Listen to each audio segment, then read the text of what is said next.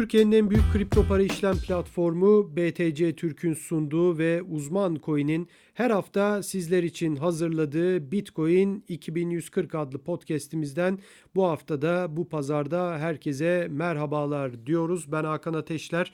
Arkadaşım Burak Köse ile birlikte yine yeni konular ve yeni bir konukla bu haftada sizlerle birlikteyiz. Gerçekten çok sıcak günler geçiriyoruz e, kripto para anlamında. E, fiyatlar e, yine çok ciddi artışlar, oynaklıklar hatta sergiliyor. Altlarda çok çok büyük artışlar söz konusu. Sıra sıra adeta çok ciddi artışlar e, yaşıyorlar, fiyat artışları ve tabii ki Türkiye Cumhuriyeti Merkez Bankası'nın bu hafta içi aldığı karar ödemelerde kripto varlıkların kullanılamamasına dair yönetmelik bunların hepsini konuşacağız. Peki kimle konuşacağız? Ee, daha önce de birçok defa hem canlı yayınımıza hem e, podcastlerimize katılmış bir isimdi. Hukukçu Celil Öztürk bizlerle birlikte. E, Celil Bey hoş geldiniz yayınımıza. Hoş bulduk, merhabalar. Merhaba Burak sen de hoş geldin. Sen de hoş geldin Hakan. Teşekkürler. Sağ olun. Evet Burak istiyorsan hemen konuya girelim. Yani ödemelerin e, daha doğrusu kripto varlıkların ödemelerde kullanılamamasına dair yönetmeliği soralım Celil Öztürk'e. E, buradan başlayalım. Tabii detaylandıracağız. Onu da belirtelim. Konuşacağız hepsini ama ilk isterseniz yavaş yavaş bir hani e, seviye arttıra arttıra gidelim diyorum. Çünkü çok herkesin korktuğu durumlar var. İşte bir ara çünkü e, Türkiye'de kripto paralar yasaklandı mıya kadar gitti bu tartışma. Tabii ki e, hani buradan girmeyeceğiz yasaklanmadı ama şu var yani 30 Nisan'dan sonra mesela Celil Bey oradan başlayalım istiyorsanız. Yani insanlar diyor ki e, soruyor daha doğrusu 30 Nisan'dan sonra ben mesela uluslararası bir borsadan Türk borsasına kripto paralarımı çekemeyecek miyim? Veya oradan oraya çekebiliyorsam bile oradan oraya çektiğim e, kripto paralarımı ben kendi bankama aktaramayacak mıyım? Para olarak çeviremeyecek miyim? Bu sorular var. Yani 30 Nisan'dan sonra insanlar kripto paralarını Türk lirasına çevirmekte sorun yaşayacaklar mı? İstiyorsanız buradan başlayalım. Neler söylemek istersiniz? Ee, öncelikle e, bu karar, bu yönetmelik uluslararası basında Türkiye'de kripto paralar yasaklandı şeklinde geçti. Birçok yerde ben bu şekilde gördüm. Bu evet. aslında olumsuz bir e, im, imajdı ve yanlış da bir şeydi. Kripto paraların yasaklanması söz konusu değil. Kripto hı hı. para borsa tarafında da herhangi bir yasak düzenleme söz konusu değil. E, burada e, kripto paralara, kripto para borsalarına itibari para birimi yatırmanın sadece bankalar kana, kanalıyla olacağını görüyoruz. Nitekim yönetmelikte de buna dair e, belirsizlikler vardı. Yani yönetmeliğin bazı ucu açık ifadeler içermesinden dolayı bankalarında buna dahil olup olmadığına dair soru işaretleri oluşmuştu kafada ama ben ne yönetmeliğin amacının bu olduğunu düşünüyorum ne de lafzın, lafzından bunun çıkarılabileceğini düşünüyorum. Dolayısıyla Cumhurbaşkanlığı Dijital Ofisi'nden bir yetkili de dün e, akşam saatlerinde yaptığı açıklamada bankaların dahil olmadığını düzenleme kapsamına dolayısıyla bankalardan kripto para platformlarına e, itibari para birimi yatırılacağını Aynı zamanda e, global borsalarla kripto paralar, kripto yerel kripto para borsaları arasında da herhangi bir kısıtlayıcı e, bir hükmün olmadığını net bir şekilde söyleyebiliriz. Evet yani aslında şu anda yine bunu da sorayım size aslında.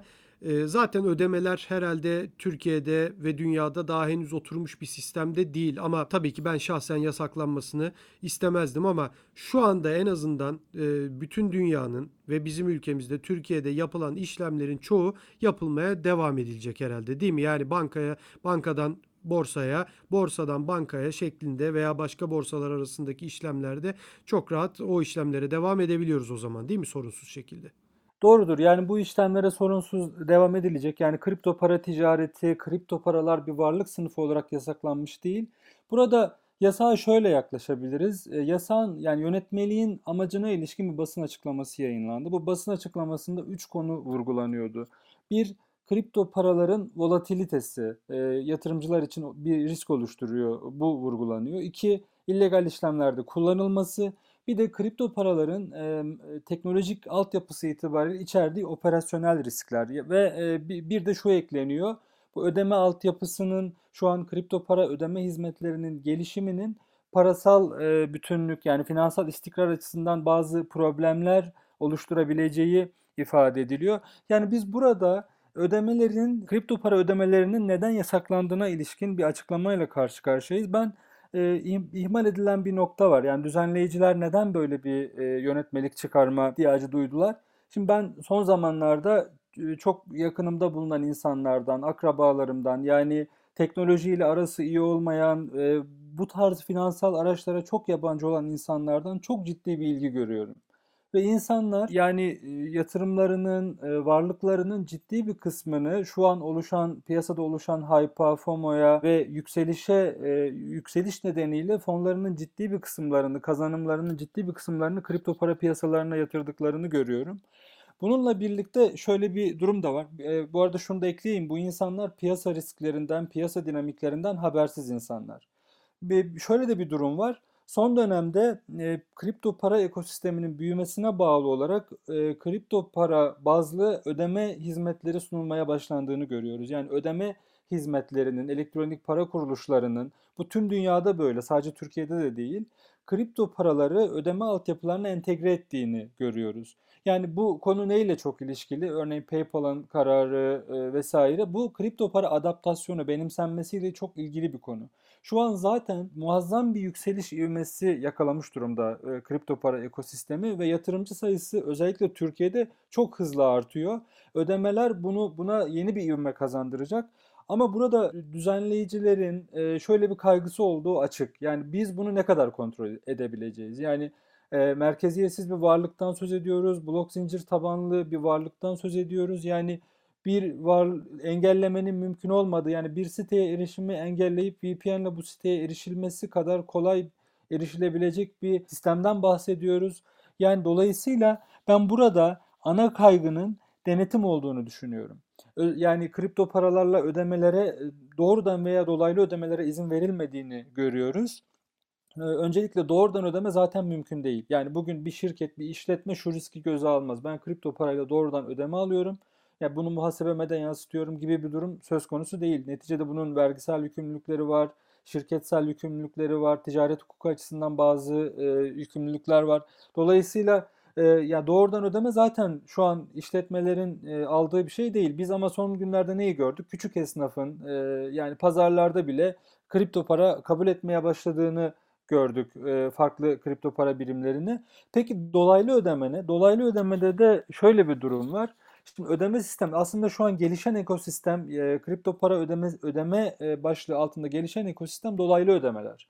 Dolaylı ödemelerde şöyle kripto paralar e, ciddi, yani şu an bir hype'a çok güçlü bir FOMO yakalamış durumda ve insanlar kripto paralara yatırım yapıyorlar. Bunu fırsata çevirmek isteyen ödeme kuruluşları ve bu ekosistemin gelişimine katkı sunmak isteyen kuruluşlar ödeme altyapılarına kripto paraları entegre ediyorlar. Yani burada ama işlem şu şekilde gerçekleşiyor. Ben kripto parayla ödeme yapmak istediğimde kripto paralar anlık itibari kaydi para birimine dönüştürülerek muhasebeye böyle yansıyor. Yani banka hesaplarına bu şekilde geçiyor. İlgili kripto varlıkta onunla ödemeyi kabul eden şirkete veya anlaşma yaptığı üçüncü parti başka bir hizmete gidiyor. Şimdi dolaylı ödemelerde aslında yasal olarak bir sıkıntı yoktu ama bu yönetmelikle birlikte şu an bunlar da e, yasaklandı diyebiliriz. Yani burada... Celil Hocam burada sözünü kestim ama aslında e, senin anlattığına göre e, burada dolaylı ödemeler aslında kayıt tutulmasına e, daha çok imkan veriyor gibi. Yani orada kayıt dışı olmaz gibi geliyor bana dolaylı ödemelerde. Hani korku burada kayıt dışı olması ya. Yani aslında şöyle kayıt dışılık burada önlenebilir. Yani nasıl önlenebilir? Eğer kripto para ilişkili bir kripto varlığı sistemine entegre etmek isteyen elektronik para kuruluşuna veya ödeme hizmet sağlayıcıya dair bazı yükümlülükler getirilir. E, bunun, buna ilişkin bir düzenleme tabii, çıkarılır. Tabii. E, örneğin denir ki yani kripto para kullanımına izin verdiğiniz müşterilerden şu tarz bilgileri alın. Kripto parayı e, muhasebenize şöyle yansıtın veya kripto paranın yeri bu ticarette şöyle olsun. Bu standartize edilebilir ama burada bence öne alınmak istenen nokta şu. Yani kripto para adaptasyonu devletin şu an e, merkezi kurumların kontrolünün çok ötesine geçiyor. Yani siz buna izin verdiğinizde bu e, kripto paranın benimsenmesini, adaptasyonunu, legalizasyon sürecini, düzenleme sürecini olumlu yönde ciddi anlamda artıracak ve şöyle düşünün. Buna dair bir yasallaştırmada piyasaya girecek oyuncuların sayısını düşünün. Bu bunların kabul edeceği kripto para portföyünün ne kadar artacağını düşünün. İnsanların bu çerçevede kripto paralara ne kadar yatırım yapacağını düşünün. Yani burada tabii biz şu an metinler üzerinden bir okuma yapıyoruz. Burada şu da gözetilmiş olabilir. Yani yatırımcılara, yatırımcıların kripto paralara yönelik ciddi yatırımlar yapıp sonrasında büyük zararlar etmesinin önüne geçmenin geçmenin de bir amaç olduğunu söyleyebiliriz. Tabii bu tamamen bir okuma yani. Evet, e, Burak sana geçelim istiyorsan. Ben sorudan önce şunu söylemek istiyorum. Öncelikle bunun bence bir e, inovasyonun Türkiye'de kripto para inovasyonunun önünü tıkayan bir düzenleme olduğunu söylemek lazım. Birçok girişim vardı Türkiye'de. Kripto parayı, kripto parayla iş yapan, kripto para ödeme sistemleri geliştiren, 2017'den beri bunun üzerine çok ciddi kafa yoran, yatırımlar yapan ama bir gece yarısı yönetmeliyle artık kapanma noktasına geldiler. E, bunlarla görüyoruz ki çok da fikir alışverişi de yapılmamış, çok da danışılmamış. Maalesef tablo bu oldu. Ki zaten geride bıraktığımız hikayeye baktığımızda bakanlıktan gelen açıklamalar e, gösteriyordu ki Türkiye'de aslında gelecek bir düzenlemenin çok da olumlu olmayabileceğini gösteriyordu. Ben e, bunu daha önce yazmıştım hatta. Herkes vergi bekliyordu aslında değil mi? Vergi de burada? ge- geliyor muhtemelen zaten. Bu Evet, evet. onu da soracağım ben e, Celil Bey'e. Hani bunu vergiyle nasıl ilişkilendirebiliriz şeklinde ama ona geçmeden önce işte Hazine Bakanlığı kripto para piyasasındaki gelişmeleri tüm dünya ile birlikte kaygıyla izliyoruz gibi bir açıklama yapmıştı. Aynı endişeleri paylaşıyoruz şeklinde. Ondan sonra Sanayi ve Teknoloji Bakanı da e, yine çok e, olumlu tonda olduğu söylenemeyecek bir açıklama yapmıştı. Onun ardından böyle bir düzenleme gördük. Şimdi hani sonuçta burada bir işlemleri izleyememe endişesi mi olabilir? Yani vergi gelecek diyoruz, vergi düzenlemeleri yapılacak diyoruz. Ee, önümüzdeki aylarda belki göreceğiz böyle bir şeyi. Onun öncesinde böyle bir önlem almış olmak sizce vergiyle ilişkilendirebilir mi? Yani e, ben ba- baş, başta şunu söylemek istiyorum. Söylediğiniz e, şeye çok katılıyorum. Yani burada e, kripto para inovasyonunun e, kripto para inovasyonu ile çok uyumlu bir düzenleme yönetmelik değil bu. Aynı zamanda paydaşların fikirlerinin alınmadığını görüyoruz. E, sektör temsilcilerinin görüşlerinin alınmadığını görüyoruz ve ara bir formül geliştirilmediğini görüyoruz. Bunlar e, bazı eksiler. Vergi konusuna gelecek olursak ben vergi konusuna girmeden önce şey söylemek istiyorum. Şimdi Nijerya'da, Hindistan'da kripto para kullanım oranı çok yüksek. Örneğin Tayland'da çok hızlı artıyor. Yani Avrupa'da, Amerika'da oluşan hacim Türkiye'nin çok üzerinde kur farkından dolayı ama e, kullanıcı artışına ve mevcut kullanıcı sayısına baktığınızda Türkiye gerçekten oransal olarak e, çok şey bir noktada, ileri bir noktada. Türkiye'ye benzer Nijerya vardı. Sonrasında Hindistan vardı. Tayland'da yine ekosistem çok hızlı büyüyordu bireysel kullanıcı oranı açısından. Bu ülkelerde biz kripto paralara Türkiye'ye benzer düzenlemeler yapıldığını gördük. Yani burada e, kripto paranın yoğun olarak kullanıldığı ülkelerde benzer bir e, kaygı görüyoruz. Ve e, son aylarda kaygı temelinde açıklamalar geldi kripto para özelinde. Arkasından e, böyle bir yönetmelikle karşılaştık. Yani bu yönetmeliğin verginin habercisi olduğunu söyleyebiliriz. Yani vergi haricinde diğer birçok düzenlemenin bir ön adımı olduğunu söyleyebiliriz. Bence kripto para ekosistemini daha iyi denetleme, kontrol etme, kontrol etmek için çünkü ödemeler gerçekten şu an her ne kadar gelişmemiş, çok yeni gelişen bir alan olsa da e, geliştiğinde gelişimi çok hızlı olacak ve kontrolü çok çok zor olacak bir alan. Dolayısıyla şu an biz banka kanalına işin endekslendiğini, çok önemli bir alanın en azından şu aşamada yasaklandığını görüyoruz. Ve ben kademeli olarak e, piyasayı kontrol ettikten sonra daha e, kapsamlı düzenlemelerin geleceğini düşünüyorum. Vergi de bunlardan biri. Ki şu da olacak muhtemelen. Yani bu biraz tabii aceleyle alınmış bir karar. Türkiye'de çünkü gerçekten kripto para adaptasyonu çok hızlı ilerliyor ve biz direkt böyle kripto paralara hemen yani her teknoloji içinde geçerli bu hızlı bir şekilde adapte olabiliyoruz. Şu görüşe de katılıyorum bu nedenle. Hani bir süre sonra muhtemelen bu karardan geri dönülecek. Bir şekilde düzenlemeleri tesis ettikten sonra kripto parayla artık bu seneye mi olur, birkaç sene sonra mı olur? Ödeme yapabileceğiz ama umarım geç olmaz. Peki e, bu noktada tamam e, ödeme şirket ödeme kuruluşları elektronik para hizmeti veren şirketlerle bunlar kripto parayla iş yapamayacaklar. İşte bankalar kripto para ile ilgili iş modelleri geliştiremeyecekler. Ama mesela işte Hakan'la biz aramızda bir alışveriş var. Hakan'a ben cüzdanına kripto para gönderdim. İşte Hakan'dan herhangi bir şey aldım. Yani bunu önüne nasıl geçilecek? Yani bu, bu düzenleme bunu kapsıyor mu? Kapsıyorsa bile e, bunu kontrol etmek de çok mümkün görünmüyor. Şimdi burada şunu tartışmamız gerekiyor. Şimdi yönetmelik yani teknik olarak daha spesifik konuları düzenler. Yani bir yasa vardır. Bu yasanın uygulanmasına ilişkin e, bazı detayları düzenler e, ve daha spesifik bir, şey, bir şekilde hazırlanır. Yani aslında yönetmelikte düzenlenen şey çok nettir ama burada biz onu göremiyoruz. Çok kısa bir metin var. İfadelerin ucu gerçekten açık, yoruma çok açık. Tanımlamaların yapılmadığını görüyoruz. Yani do- doğrudan ödemene, dolaylı ödemene, bu e, kişisel ödemeleri kapsıyor mu? Kripto kripto ödemelerin durumu ne? Yani açıkta kalan birçok şey var. Şu an en azından hem yapılan basın açıklamasında hem yönetmeliğin ana çerçevesine baktığımızda ödeme kuruluşlarının ve elektronik para kuruluşlarının, ödeme hizmet sağlayıcıların ve elektronik para kuruluşlarının muhatap alındığını görüyoruz. Ama tabii ifadeler çok net, çok açık ifadeler. Yani şöyle e, ucu, ucu açık ifadeler, pardon açık ifadeler dedim. Belirsiz ifadeler. Yani burada çok rahat kişisel ödemeleri, e, sizin bahsettiğiniz formda, kurgudaki işlemleri de biz bu yönetmeliğin kapsamına dahil edebiliriz. Ama dediğim gibi Burada e, temelde düzenlenmek istenen e, taraflar ödeme kuruluşları ve elektronik para kuruluşları. Evet yani Hocam çok özür dilerim Burak. Ee, şimdi Tabii. aslında ben biraz önce onu sormak istemiştim size. Yani yani Burak'ın sorusunun ters bakış açısını ben sormak istemiştim. Şimdi Burak hani diyor ya e, biz ikimiz aramızda bir alışveriş yapsak ve kripto para yollasak. Şimdi açıkçası hani bu konuda çok bilgi sahibi olmaya gerek var mı bilmiyorum. Kimsenin ruhu duymayabilir. Yani bu kağıt parada da böyle. Değil mi? Bakkala gittiğinde fiş kesmiyorsa adam sana devletin buradan e, nereden haberdar olacak bu, bu durumdan? Bunun gibi bir durum söz konusu. Ama işin içine dolaylı ödeme yani ödeme kuruluşlarının girdiği bir sistem olduğunda zaten kayıt dışı olmuyorsun. Yani kredi kartından çekmek gibi bu parayı. Kredi kartından sen bir e, ne olursa olsun hangi malı alıyorsan e, aldığında açıkçası burada kaçma ihtimalin yok ki. Zaten kredi kartıyla yapıyorsun bunu. Yani bir aracı kuruş, kuruluş, bir aracı kurum işin içine girmiş oluyor. Dolayısıyla senin buradan kayıt dışı olarak kaçma ihtimalin yok neredeyse. Yani nakit, kağıt para vermediğin sürece, elden ele bir durum olmadığı sürece senin kaçma ihtimalin yok. Yani buranın ters tarafını söylüyorum ben. Yani aracı kuruluş veya dolaylı ödeme veya işte e, papara gibi başka türlü e, kripto para ile ödeme alan başka kuruluşlar olsun. Bunlarda zaten devlet bunları bence çok daha rahat kontrol edebilir gibi geliyor. Yani benim mantığım bunu söylüyor hocam. Siz hani bu anlamda neler söylersiniz? Hani kayıt var zaten ortada. Hani bir bakıyorsunuz mesela ben bir aracı kurulu, kurum e, kullanarak size bir ödeme yapıyorsam devlet bunu zaten göremez mi hocam? Yanlış mı düşünüyorum?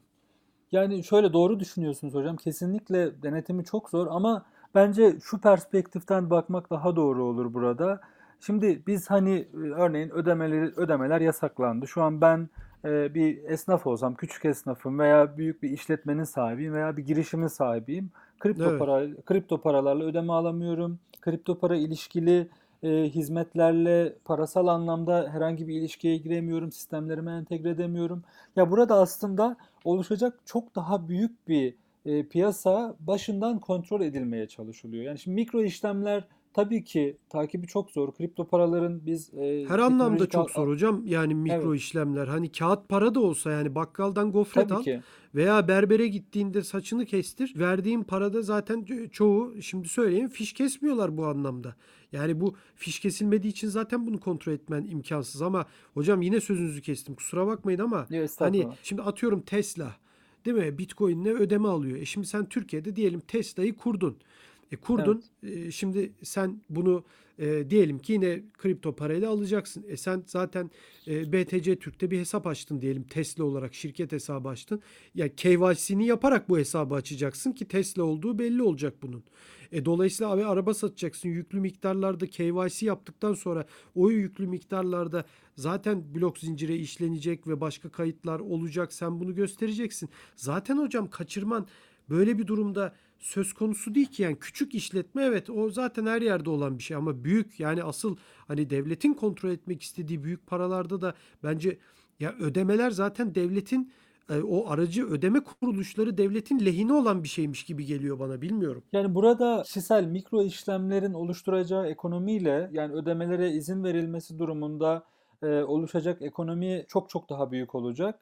Aynı zamanda ödemelerin oluşturacağı o ekonomi, o mikro işlemleri ve bireysel yatırımcıların sayısını ve yaptığı yatırımların miktarını da ciddi anlamda artıracak. Yani e, burada e, piyasanın kontrol edilmeye çalışıldığını görüyoruz. Yani düzenlemeler dediğiniz gibi Hakan Hocam yani hani e, çok amaçla amaca uygun mu? Yani burada biz işlemleri takip etmek istiyoruz ama böyle bir şey yapıyoruz. Yani bunlar çok uyumlu mu? Bu tartışılabilir ve çok uyumlu olduğunu da düşünmüyorum bu açıdan. Sizin baktığınız açıdan çok uyumlu olduğunu düşünmüyorum. Ama nihayetinde e, gelecek düzenlemeler veya belli bir kontrol mekanizmasını sağladıktan bir düzenleme altyapısı oluşturduktan sonra ben esnetilmesi gerektiğini, esnetileceğini düşünüyorum ya da umuyorum diyeyim. Çünkü bu haliyle ciddi anlamda Türkiye'yi ekosistemin dışında tutacak, kripto para ekosisteminin gelişimini engelleyecek. Yani Türkiye'de Türkiye'ye sermaye çekilmesi konusunda Türkiye'nin diğer ülkelerle rekabet edebilmesi konusunda ciddi problemler taşıyan bir düzenleme. Ama aceleci bir karar bu. Yani genel yorumlar da bu yöndeydi. Yani bir kontrolü ele alalım. Yani düzenlemeleri hayata geçirmeden önce özellikle kapsayıcı, kapsamlı düzenlemeleri hayata geçirmeden önce biz maksimum seviyede kontrol edelim. Sonra bir piyasa esnetilir mantığı olduğunu düşünüyorum ben. Evet yani o inşallah esnetilme olayı olur. Ben de açıkçası orada Burak gibi düşünüyorum. Mutlaka ama mutlaka hani doğru yola o anlamda herhalde girilecek gibi geliyor. Ee, evet Burak devam edelim sen ne istiyorsan. Ee, şimdi herhalde bu düzenlemenin sonuçta birçok kafa karışıklığı yarattığı ve gerçekten birkaç cümleden oluşan bir metin var karşımızda. Beklenti şöyle ki ilerleyen günlerde bununla ilgili Merkez Bankası tarafından daha böyle kapsamlı bir açıklama geleceği yönünde. Böyle bir açıklama bekliyor musunuz siz? Olacak mı böyle bir şey? Aslında Burak Hocam belki fark etmişsinizdir. Dün akşam e, bazı infografiklerle Evet, Cumhurbaşkanlığı doğru. Dijital Ofisi'nden bir yetkili kapsamına dair bazı açıklamalar yaptı. Bence önemliydi. Yani Hı hı. o infografiklerde en önemli noktalardan biri şuydu. Şöyle bir kafa karışıklığı oldu. Bu da dediğim gibi biraz ucu açık ifadelerden böyle geniş yorumlandığı takdirde bankaların da işin içinde olduğuna dair bir algı oluştu ki böyle olduğunda kripto para borsalarına banka kanalı üzerinden para yatırma mümkün olmayacak. Bu da Evet. e, yani asıl bu bir yasak anlamına gele- gelecek. Çünkü şu an kripto para ya kripto ekonominin e, %90'dan fazlası borsa üzerinde. Ya ödemeler dediğim gibi çok yeni gelişiyor. Örneğin buna dair dün o infografiklerde bir açıklama vardı. Bankaların dahil olmadığı, kripto para ticaretinin yasal olduğu, kripto paraların yasaklanmadığına dair açıklamalar geldi. Tabii e, burada daha detaylı açıklamalar gelmesi gerekiyor. Yani tam olarak ne düzenlenmek istenen neydi? Dü- Düzenleme içerisinde mesela iş modeli gibi bazı kavramlar yer alıyor. Ben, benim daha önce e, metinlerde çok görmediğim bir kavram. Belki kullanılıyordur ama yani burada mesela kripto para merkezinde kripto para olan iş modellerinin neler olduğu. Çünkü bu çok geniş bir kavram. Ya biz biz sizinle burada hani bir startup e, kuracak e, insanlar olalım. Yani siz yatırımcı olun, ben teknolojiyi geliştirecek kişi olayım. Şimdi tamam ödemeler yasak ama e, yani iş modeli gibi bir kavram e, geçiyor yönetmelikte. Yani biz e, kripto tabanlı bir iş modeli geliştire hiçbir iş modeli geliştiremeyecek miyiz? Ya bu tarz ucu açık, belirsiz ifadeler var. Dolayısıyla ben bunların önümüzdeki günlerde yapılacak açıklamalarla detaylandırılmasını isterim. Detaylandırılacağını da bekliyorum doğrusu. Yani şu an en azından oluşan tepki itibariyle böyle bir şeye gerek duyulacağını düşünüyorum. Anladım. E şimdi bir de tabii bu yönetmelik için iptal davası açılıyor. E, açıldı mı tam emin değilim ama açılacağı açıklandı. Hatta buna e, birçok şirket de destek veriyor Türkiye'den. Tabii bu yönetmelikten dolayı zarar gören şirketler var bunun içinde. E, böyle bir iptal davasında sonuç alınabilir mi ve yani bu süreç ne kadar alır sizce? Yani bunun için tahmininiz ne olur? Yani bu konu çok belirsiz bir konu aslında Burak Bey. Yani süresini kestirmek zor. E, Sonuç alınıp alınamayacağına dair de e, yani bir şey demek zor. Burada dayanılan hususlar önemli. Yani bu yönetmelikle hangi hakların ihlal edildiği, e, ne tür hukuk aykırılıklar taşıdığına dair kapsamlı bir e, savunma ve e, başvuru e, dilekçesi hazırlanması gerekiyor. Yani bunu görmeden yorum yapmak gerçekten zor. Yani süresine ve neticesine dair e, bir yorum yapmak istemiyorum doğrusu. Anladım. Hakan? Evet tabii burada yani çok fazla Celil Bey'in dediği gibi aslında çok ucu açık maddeler de var. Yani Celil Hocam burada madde madde şimdi okuyup da aslında insanları da e, sıkmak istemiyorum ama siz hani burada zannediyorum 6 madde var. Bu 6 maddede ya siz açıkladınız gerçi ama bu 6 maddeden en önemlisi sizce hangisidir? Yani bize en burada mesajı veren madde hangisidir? Ne söylemek istersiniz? Şöyle ben bu metindeki hususları düzenlenmek istenen hususları dört başlık altında ifade edeyim. Bir ödemelerde doğrudan ve dolaylı kullanılmaması ve iki ödeme hizmetlerinin sunulmasında kullanılmaması. Bence en önemli iki madde bu. Düzenlenmek istenen şey de bu. İki bunu tek bir madde olarak da düşünebiliriz. Aslında e, birbirini tamamlayan maddeler. Üç, elektronik para ihracında doğrudan veya dolaylı kullanılmaması. Burada aslında pek dikkat çekilmeyen bir e, konu var. Elektronik para ihracında kullanılmaması şu anlama geliyor. Yani biz bunu kripto e, para tabanlı fon toplama, ICO gibi kampanyaların da zaten şöyle ödem bunlar da bir ödeme niteliği taşıyor. Mümkün olmadığını görüyoruz. Ama e, bunun içinde ön alıcı bir madde konulduğunu düşünüyorum ben. Özellikle e, şu an kripto para tabanlı fon toplama kampanyalarının bu sadece kripto para arzı da değil, e, ilk arz süreci de değil. Birçok farklı fon toplama kampanya sayısının çok arttığını görüyoruz. Yani bu ekonominin hızla büyüdüğünü görüyoruz. Buna dair de bu ihraç konusuyla ilgili maddenin önemli olduğunu düşünüyorum. Son olarak da önemli yine önemli bir husus, düzenlenmek istenen dördüncü husus da şu. Kripto varlık işlem platformları. Bu platformlar hangi platformlar? Alım satıma aracılık eden, saklama hizmeti sunan, transfer hizmeti sunan, e, bunu kripto para cüzdanı diyebiliriz, borsa diyebiliriz veya Yine e, bir önceki maddeyle ilişkili ihraç hizmeti sunan platformlara ve bu platformlardan yapılacak fon aktarımları aracılık etmemesi. Burada hedef yine ödeme e, hizmet sağlayıcıları ve ele- elektronik para kuruluşları ama engellenen şeyin kripto para işlem platformlarına transferler olduğunu görüyoruz. Yani, yani banka kanalına indirgendiğini görüyoruz tüm para aktarımlarının. Yani önemli olarak bu hususları sayabiliriz. Dediğim gibi bana göre en önemli husus ödemeler. Yani ödemelerde kullanılmaması. Evet. Ee, hocam peki e, biraz bahsettik ama vergi konusu da gelir dedik. Vergide beklentiniz e, nedir? Yani beklentiyi sormuşken son olarak bu yönetmeliği de sorayım. Yani böyle bir yönetmelik sizin beklentiniz içinde miydi? Yani bekliyor muydunuz böyle bir ödemelere ilişkin bir e, yönetmelik çıkmasını? E, Çünkü herkes vergiyi konuşuyordu açıkçası bir süredir. E, Bir de vergiyle ilgili nedir e, fikriniz açıkçası onu da sorayım. Yani oran olarak mesela hani ciddi bir vergi mi bekliyorsunuz? Çok zorlayacak insanları yoksa hani kripto para dünyası gelişiyor artık hani klasik o söylediğimiz hep Türkiye bu anlamda bir fırsat var Türkiye'nin önünde. Hani bu fırsatı değerlendirelim, vergiyi az tutalım. insanların Türkiye'de rahatlıkla birçok işlemi yapabilmesini sağlayalım beklentisi içinde misiniz? Öncelikle yönetmeliğe ilişkin beklentimi söyleyeyim. Yani ben böyle bir yönetmelik e, beklemiyordum doğrusu. Yani bu kadar sert olacağını beklemiyordum ama şaşırdığımı da söyleyemem. Çünkü son dönemde yapılan açıklamalar, e, Türkiye gibi kripto para adaptasyonunun hızla arttığı ülkelerde yapılan benzer girişimler itibariyle yani bana beni çok şaşırtmadı. Ama dediğim gibi ben bu kadar sert olacağını düşünmüyordum. Vergi tarafına gelecek olursak şimdi e, piyasa daha e, kontrol edilebilir, denetlenebilir e, bir çerçeveye kavuşturuldu bu yönetmelikle birlikte. Bunun aslında vergi için de bir ön hazırlık olduğunu söyleyebiliriz. Vergi konusunda şöyle mesela birkaç ülkeden örnek verdim ben. Örneğin Hindistan'da şu an kripto para yasakları ciddi anlamda tartışılıyor. Yani doğrudan banka Tabii. kanalının vesaire de yasaklanması konuşuluyor. Bundan aylar önce e, Hindistan'da şöyle bir açıklama yapıldı. Ha, Şöyle bir yasa tasarısı gündeme geldi.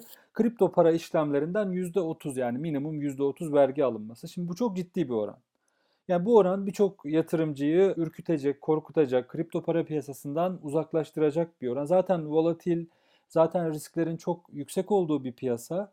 Bir de vergi oranının bu kadar yüksek olmasını eklersek birçok yatırımcı piyasadan çekilecektir. Dolayısıyla ben Hindistan'da %30 vergiyi görünce devlet bakış açısının çok olumsuz olduğunu, bunun bir yasaklama sürecine gidebileceğine dair açıklamalar da yapmıştım. Dolayısıyla vergi konusu yani konulan vergi, kripto paraların bir varlık sınıfı olarak hangi varlıklar altında, hangi varlık sınıfı altında nitelendirildiği, mevcut düzenlemelerle mi yoksa yeni bir takım düzenlemelerle mi vergilendirileceği ki ben burada yeni düzenlemelerin gerekli olduğunu düşünüyorum.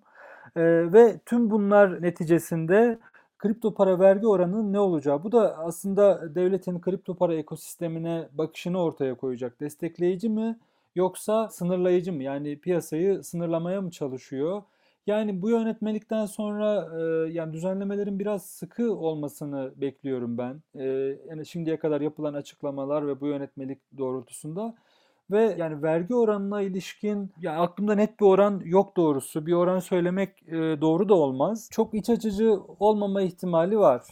Evet. Evet. Ben de açıkçası böyle düşünüyorum. Burak sana geçelim. Evet ben de katılıyorum size bu konuda ama umarız hani sonuçta ülkede dolar alıp satıyorsun. Bunun çok çok cüzi bir vergi oranı var. İşte altın alıp satıyorsun ki kuyumcudan alırsan yine bir şey yok. Ama banka aracılığıyla yaparsan yine çok cüzi bir kambiyo vergisi var. Umarım bu şekilde olur. Ee, bir sonuçta Bitcoin de bir dijital altın olabilir. İşte bir para olarak değerlendirilebilir. Yani buna çok ihtimal vermesem de umarım bu şekilde düzenlenir bu vergi konusu. Şimdi bugün e, Tesla ABD'de Bitcoin araç satabiliyor. PayPal işte aynı şekilde PayPal'a entegre işletmelerde kripto para kabulü ne başladı? Dünyada şunu sormak istiyorum aslında. Şimdi 2021 ile birlikte çok ciddi tartışılmaya başlandı bu konular ve muhtemelen birçok ülkede önümüzdeki aylarda e, ciddi düzenlemeler göreceğiz. Siz de az önce bahsettiniz. Örneğin Hindistan'da bir yasak gündeme geldi. Şimdi dünyada genel olarak kripto para düzenlemeleri ne yönde gidiyor? Yani bu süreç sizce nasıl bir zeminde noktalanabilir? Aslında en başında bahsettiğim konuyla çok çok ilişkili bu sorunun cevabı denetim ve kontrol. Şimdi geçtiğimiz günlerde e, CIA'den bir yetkili e, yani düzeltin eğer yanlış söylüyorsam e, CIA evet, başkanı eski CIA ha, eski direktörü eski evet. CIA. Aynen. Bir açıklama yaptı. Dedi ki kripto paralar yani e, itibari para birimlerine göre mevcut finansal sisteme göre çok daha takip edilebilir varlıklar. Ben buna kesinlikle katılıyorum. Yani burada ben Türkiye'de sıkı düzenlemeler gelmesinin ve kaygı temelinde yapılan açıklamaların bizim piyasanın büyümesine hazırlıksız yakalanmamızla çok ilişkili olduğunu düşünüyorum. Evet kesinlikle. Yani şöyle hazırlıksız yakalanma. ABD'de çok net söyleyeyim. 2013 yılından bu yana en azından benim bildiğim en eski tarih 2013 yılından bu yana blok zincir analiziyle ilgili çok ciddi çalışmalar var ve bu çalışmaları doğrudan kurumlar yürütüyor, destekliyor, fonluyor. Yani IRS'in e, anonim e, kripto paralar, gizlilik tabanlı kripto paralar için ödül kampanyalarını biliyoruz. Yani sürekli ödül kampanyaları düzenle, Evet. düzenlediğini, Monero'nun, Lightning Network'ün vesaire. Şimdi şu var, burada denge nasıl sağlanır? Önce siz piyasayı denetleyebileceğiniz ama nasıl bir denetim? İllegal işlemlerin önlenmesi noktasında bir denetim. Yani yoksa serbest piyasayı baltalayıcı bir denetimden kast, denetimden bahsetmiyorum. İllegal işlemleri önleyici, bu varlıkların bu varlıklara yatırımcıların daha güvenle yatırım yapabilecekleri, piyasa içerisinde daha az zarar görecekleri şek- şekilde yatırım yapabilecekleri bir ortam sağlarsınız. Ve böylece hem ekosisteme sırtınızı dönmemiş olursunuz hem e, böyle bir inovasyona sırtınızı dönmemiş olursunuz. Bu istihdamı destekler, ülkede kalkınmayı destekler, sektörün büyümesini ve Türkiye'den unicornlar çıkmasını, Türkiye'ye sermaye akışını birçok şey destekler. Bu diğer ülkeler için de geçerli. Ve bugün Amerika'da özellikle Amerika'da çok ciddi kripto para işlemlerinin takibine ilişkin şimdiye kadar çalışmalar yapıldığını, bunun altyapısının oluşturulduğunu, e, yasal düzenlemelerin uzun bir süredir paydaşlarla birlikte hem kamu kurumları hem özel sektör temsilcileri hem de hatta halkla e, tartışarak e, belli bir noktaya geldiğini görüyoruz. Dolayısıyla şunu görüyoruz. Zaten piyasayı öğrendikleri, bildikleri ve belli ölçüde kontrol edebildikleri için böyle düzenlemeler yapmadıklarını görüyoruz. Ve ben burada bu sert düzenlemeyi, bu sert yönetmeliği e, tamamen bu gelişime yani işin Türkiye'de bu kadar büyümesi, dünyada bu kadar büyümesi ama bizim henüz bunun altyapısı anlamında e, yeterli seviyede olmamamızla çok ilişkilendiriyorum. Dünya genelinde düzenlemeler çok farklılaşıyor. Yani Türkiye gibi benzer durumda olan birkaç ülkeden bahsetmiştim. Adaptasyonun Evet. çok hızlı büyüdüğü ama bu duruma hazırlıksız yakalanan bazı ülkelerin yasaklama girişimlerinden bahsettim biraz önce. Yani Nijerya örneği var, Hindistan örneği var, benzer birkaç ülke daha var. Ama biz piyasa açısından oldukça önemli olan Avrupa ülkelerinde ABD'de daha farklı bir düzenleyici rejim görüyoruz. Örneğin ABD'de bankalara stabil kripto para e, ödemelerde kullanma yetkisi dahi verildi. Saklama hizmeti, e, rezerv tutma, stabil kripto para birimlerinin rezervlerini tutma Yani OCC, e, ABD'de bankacılık e, düzenleyici birimi çok olumlu gelişmelere imza attı ve gerçekten hiç beklemediğimiz gelişmelerdi bunlar. Daha uzun vadede beklediğimiz gelişmelerdi.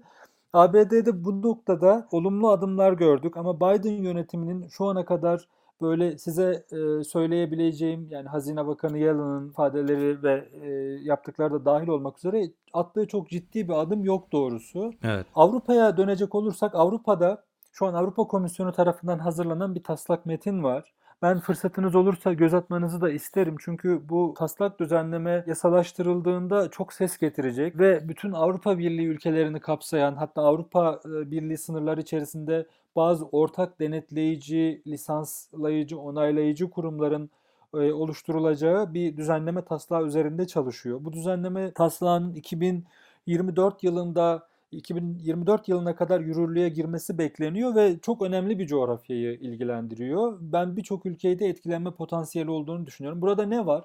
Burada da daha e, ABD'ye nazaran daha muhafazakar bir yaklaşımın olduğunu görüyoruz. Çok ciddi bir denetleme fonksiyonu var şu an Avrupa Birliği'ndeki taslak düzenlemelerin. Örneğin kripto para ihraççılarının Avrupa Birliği sınırları içerisinde bir tüzel kişilik olarak var olması, her birinin hangi ülkede merkez olarak bulunacaksa o ülke yasalarına uyması, ortak oluşturulacak e, lisans biriminden, onay biriminden lisans alması, bütün işlemlerinin kaydını tutup bu işlemleri bankalar nezdinde, devlet kurumları nezdinde sürekli raporlaması. Hatta şöyle yani şunu düşündüm geçen gün okurken o düzenlemeleri. Şimdi Bitcoin ve Ethereum bu düzenlemelere dahil olacak. Çünkü bu düzenlemelerden önce piyasada olan ve hali hazırda işlem gören varlıklar. Yani kimse bu düzenlemeler çerçevesinde Bitcoin ve Ethereum'un düzenlemede öngörülen gidip kurumlara kayıt yaptırma, o ortak düzenleyici birimden AB sınırlarını kastediyorum. İçinde ortak düzenleyici birimden lisans almasını beklemeyecek. Ama bu düzenleme Avrupa Birliği sınırları içerisinde 2 yıllık 3 yıllık vadede 2024'e kadar yürürlüğe girdiğinde şöyle bir durum ortaya çıkacak. E, DeFi protokolleri ne olacak? Yani bunlar nereye kayıt yaptıracak? Bunların e, bu, bu protokollere para aktarmak meşru mu olacak? Çok daha çok daha önemlisi biz bugün kripto paraların merkeziyetsiz olduğu ölçüde güvenilir olduğunu düşünüyoruz ve evet. e, kripto para yatırımlarında da bu oldukça önemli bir metrik. E, şimdi merkeziyetsiz bir kripto para platformu geliştirdik.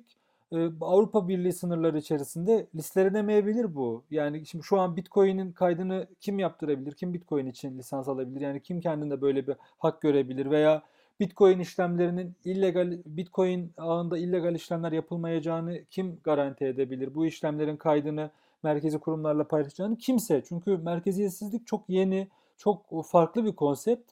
Avrupa'da şu an ciddi anlamda denetlemelerin olduğu ama yasaklamanın olmadığı, yani yasaklayıcı bir bakış açısının olmadığı taslak bir düzenleyici metin var ve kurumlarla tartışılıyor.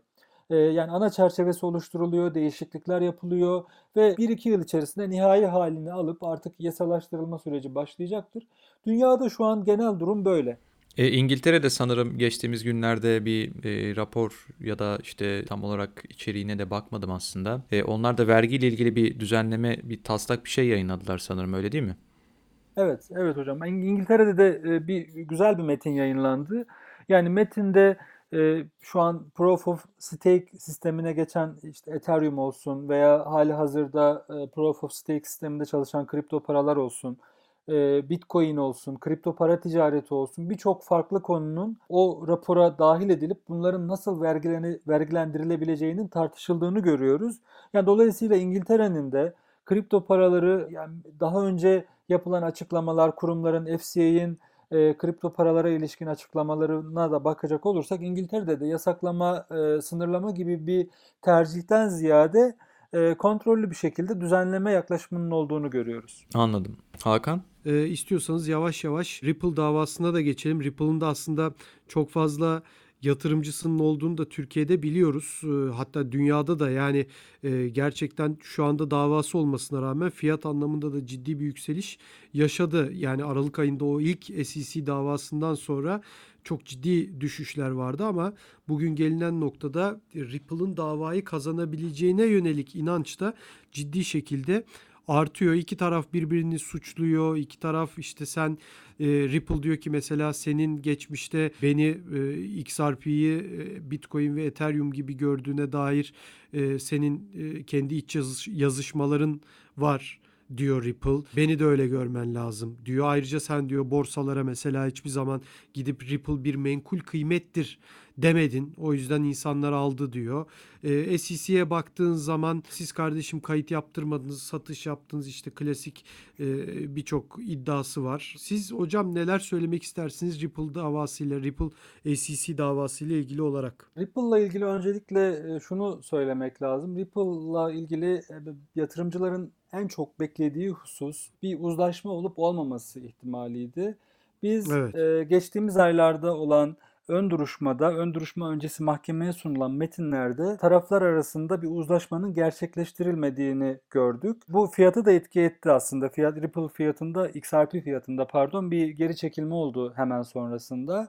Tabii e, duruşma tarihleri verildi sonrasında. E, şu an Ripple davasında keşif aşamasında. Yani taraflar mahkemeye delillerini, savunma argümanlarını, argümanlarının yasal dayanaklarını sunuyorlar. Sonrasında da sunulan deliller, argümanlar ve bunların yasal dayanakları üzerinden artık dosyanın tartışıldığını görmeye başlayacağız ve davanın gidişatına dair daha somut, daha somut bilgilere sahip olacağız. Peki ne oldu? Ee, Özellikle son 1-2 hafta içerisinde önemli gelişmeler oldu Ripple davası ile ilgili.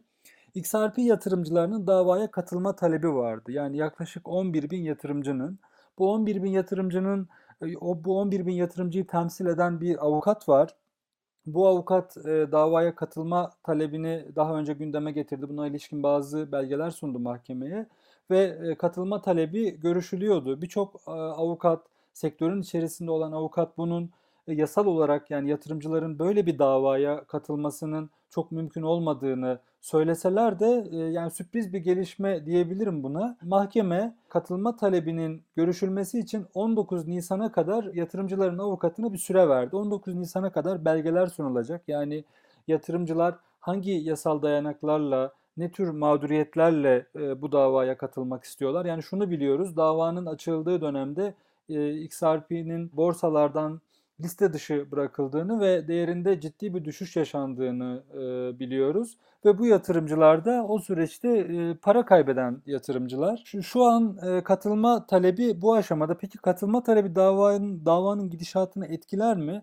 Yani etkileme potansiyelinin e, çok ciddi ol, e, anlamda etkileme potansiyelinin olduğunu düşünmüyorum. Belki e, SEC aldığı aksiyon itibariyle yatırımcılara karşı özellikle XRP'nin menkul kıymet olduğu konusunda şimdiye kadar borsaları uyar, uyarmaması, benzer varlıklara XRP gibi muamele etmemesi hususları nedeniyle sorumlu tutulabilir ama bu bu da aslında çok düşük bir ihtimal. Çünkü burada davanın ana hatları, e, davanın ana ekseni XRP'nin menkul kıymet olduğu ve kayıt dışı, yasa dışı menkul kıymet satışı. Bunun haricinde e, diğer önemli bir gelişme son yine bu e, son bir hafta 10 gün içerisinde yaşanan bir gelişme. XRP Ripple şirketine açılan davada iki yöneticisine karşı da çeşitli iddialar gündeme gelmişti. Larsen ve Garlinghouse. Bu kişilerin banka kayıtlarının istenmesine ilişkin bir talepte bulundu e, SEC. SEC'nin talebi şöyle bir talepti. Yani biz burada Ripple yöneticilerinin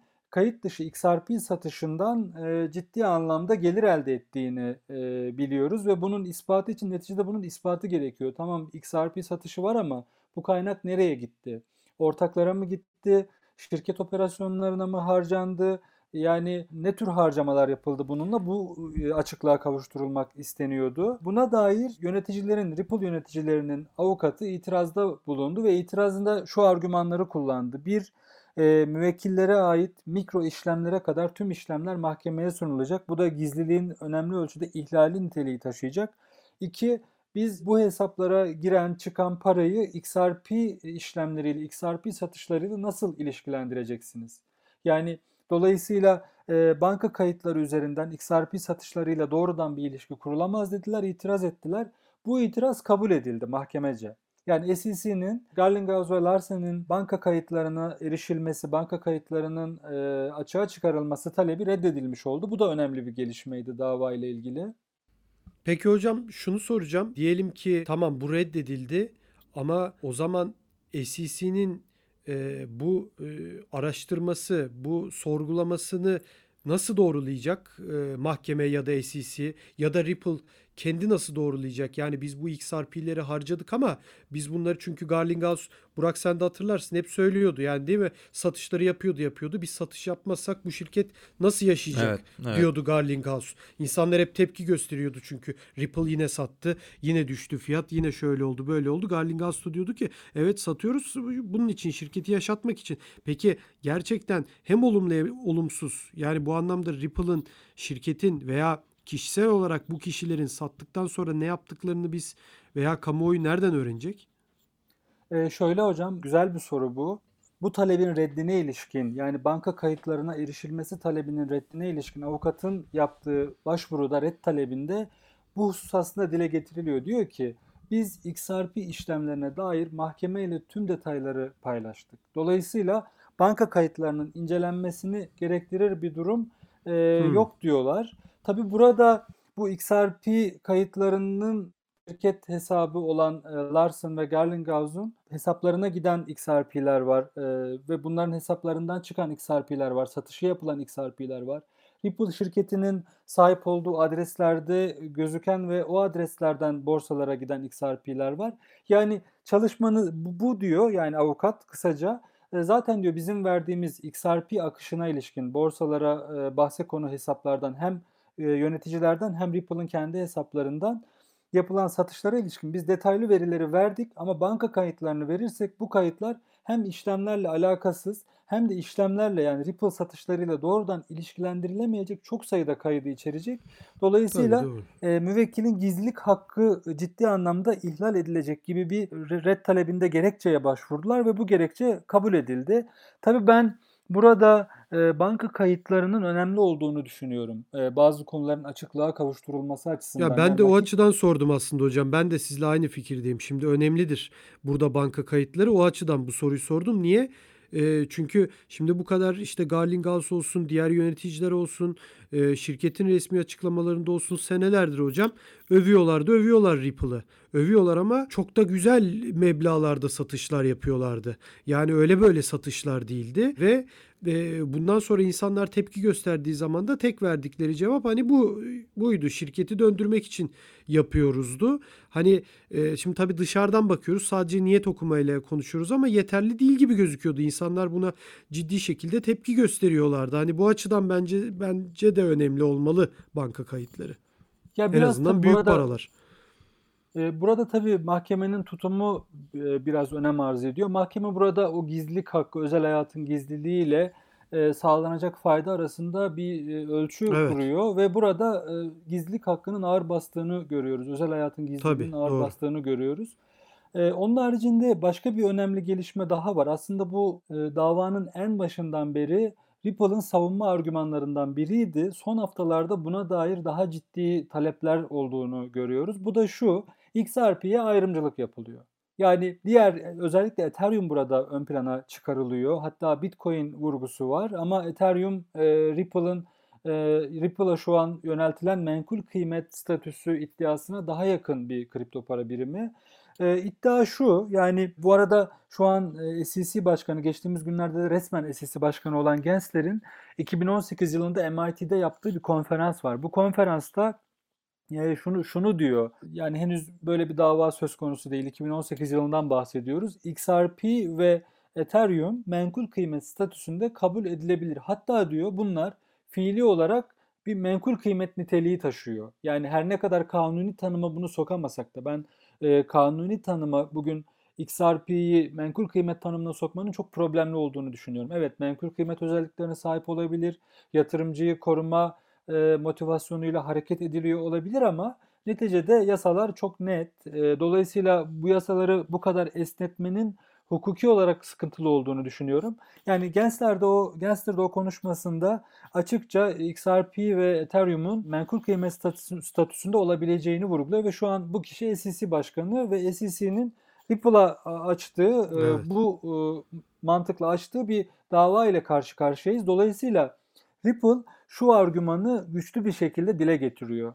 Yani Ethereum neden e, menkul kıymet değil? Neticede bir ICO süreciyle piyasaya çıktı ve e, yani bir kripto para birimi kripto para borsalarında işlem görüyor. Neden e, biz ama Bitcoin ve e, Ethereum veya diğer kripto paralar değil. Yani bu aslında kripto para topluluğundan ciddi bir tepki almıştı. Yani diğer kripto paraları da SEC'nin denetimine sokmak için e, bu bir şey olabilir mi? Yani bir başlangıç olabilir mi gibi kripto para topluluğundan bu savunma argümanına ciddi tepkiler vardı.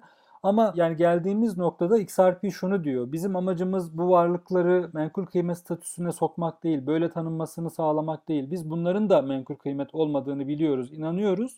Ama buradaki ayrımcılığı dile getirmek istiyoruz diyorlar. Tabi burada göz önünde bulundurulması gereken çok önemli bir nokta var. Bugün Ethereum'un, bugün Bitcoin'in merkeziyetsizlik seviyesiyle Ripple'ın merkeziyetsizlik seviyesi arasında muazzam bir fark var.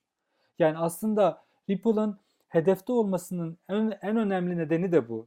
Yani ya yaklaşık arzının %60'ının bir şirketin elinde olduğu, yöneticilerinin elinde olduğu ve düzenli olarak bunu satarak buradan gelir elde eden ve tabii, hisse tabii. senedi modeline benzeyen bir modelden bahsediyoruz. Dolayısıyla bu model e, düzenleyicilerin dikkatini çekiyor. Yani bugün Ethereum'a... Merkezi San, San Francisco hocam. Yani direkt Amerika'nın ortasında bir şirket zaten tabii. Ripple.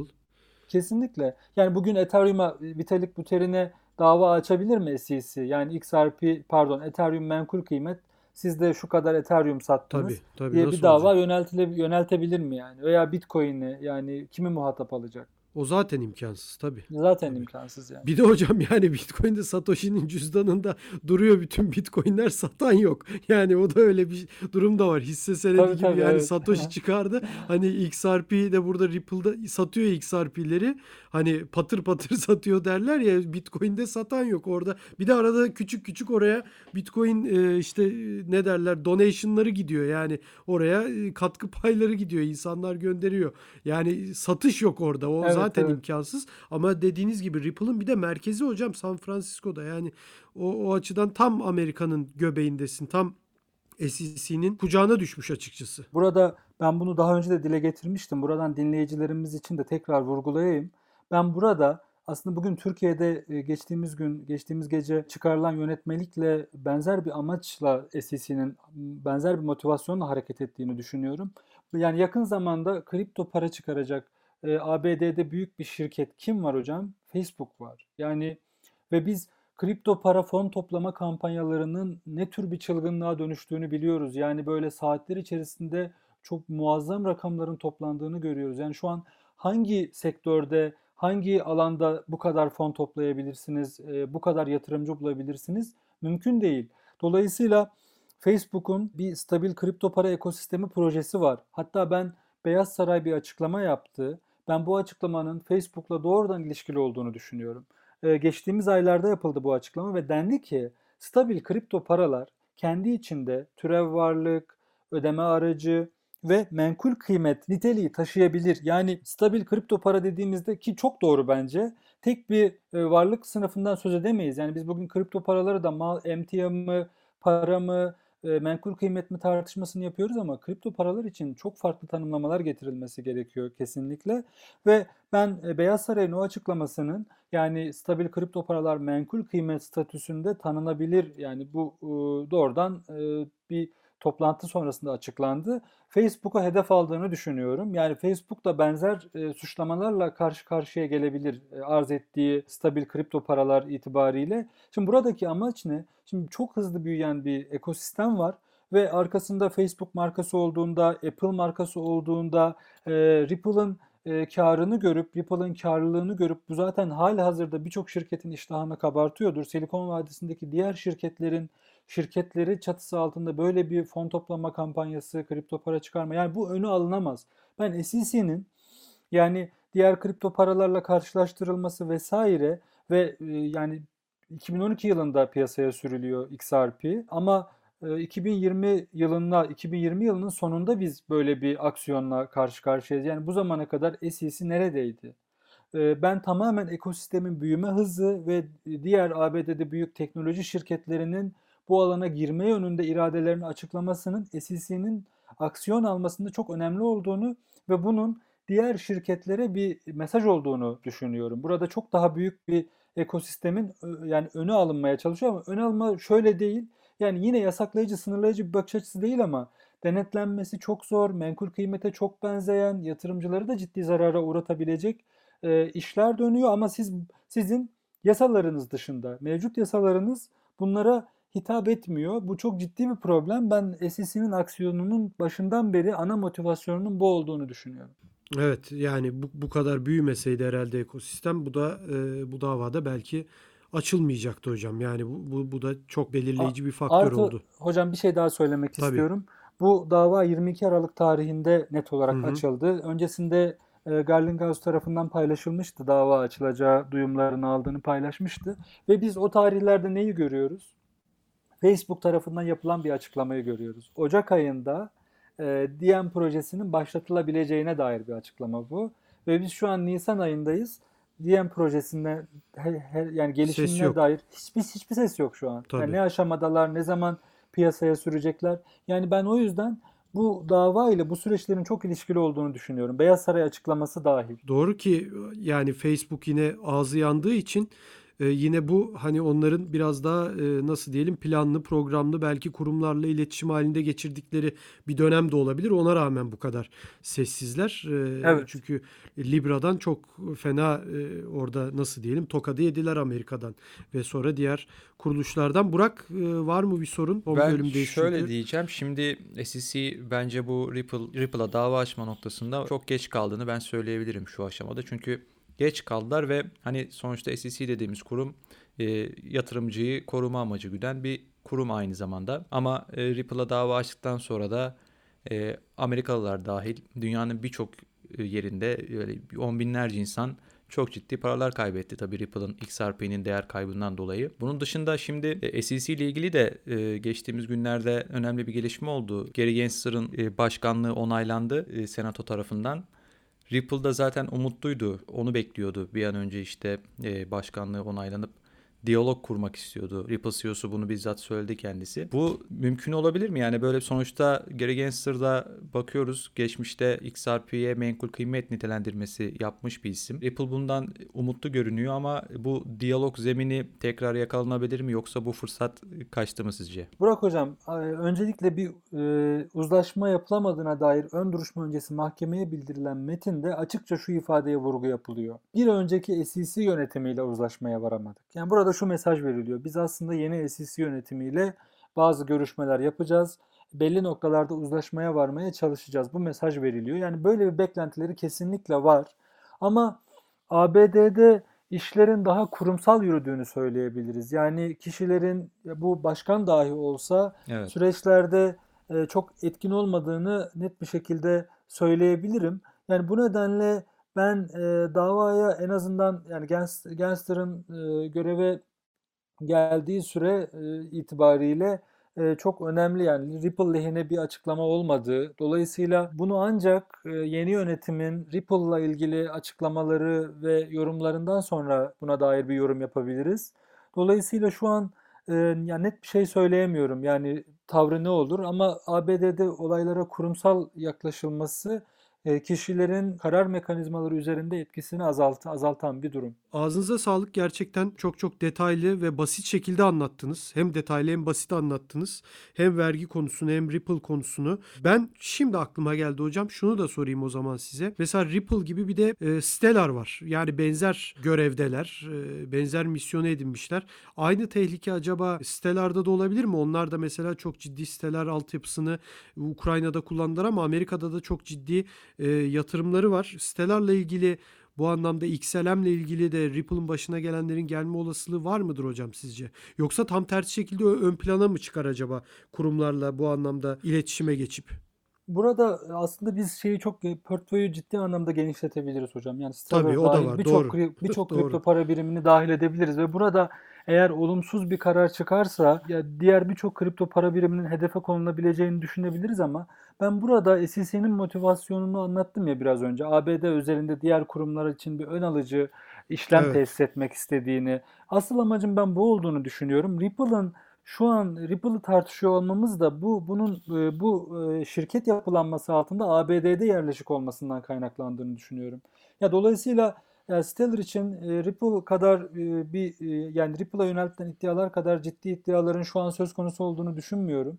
Çünkü ABD'de Tabii. yoğunlaşan bir şirket değil faaliyetleri. Eğer Stellar'ı dahil edersek Stellar benzeri birçok kripto para biriminin özellikle ABD'li kullanıcılara kullanıcıların yatırım yaptığı birçok kripto para biriminin de benzer ithamlarla önümüzdeki günlerde karşı karşıya gelebileceğini düşünebiliriz. E, Celil Öztürk çok teşekkür ediyoruz değerlendirmeleriniz için. Ben çok teşekkür ederim. Çok keyif aldım. Sağ olun. Burak senin de ağzına sağlık tekrardan. Senin de ağzına sağlık Hakan. Teşekkürler. Ee, Evet bu haftaki podcast'imizi de sonlandırabiliriz. Konuğumuz daha önce birçok kez yayınlarımıza katılan ve gerçekten her ihtiyacımız olduğunda e, o değerli yorumlarına e, kırmadan gelip programlarımıza, podcast'lerimize katılan hukukçu Celil Öztürk'tü konuğumuz. Kendisine tekrardan teşekkür ediyoruz ve bu haftaki programımızda sonlandırıyoruz. Türkiye'nin en büyük kripto para işlem platformu BTC Türk'ün sunduğu ve her hafta Uzman Coin'in sizler için hazırladığı Bitcoin 2140 adlı podcast'ten bu haftalıkta bizden bu kadar. Gelecek pazar tekrardan görüşmek dileğiyle hoşçakalın.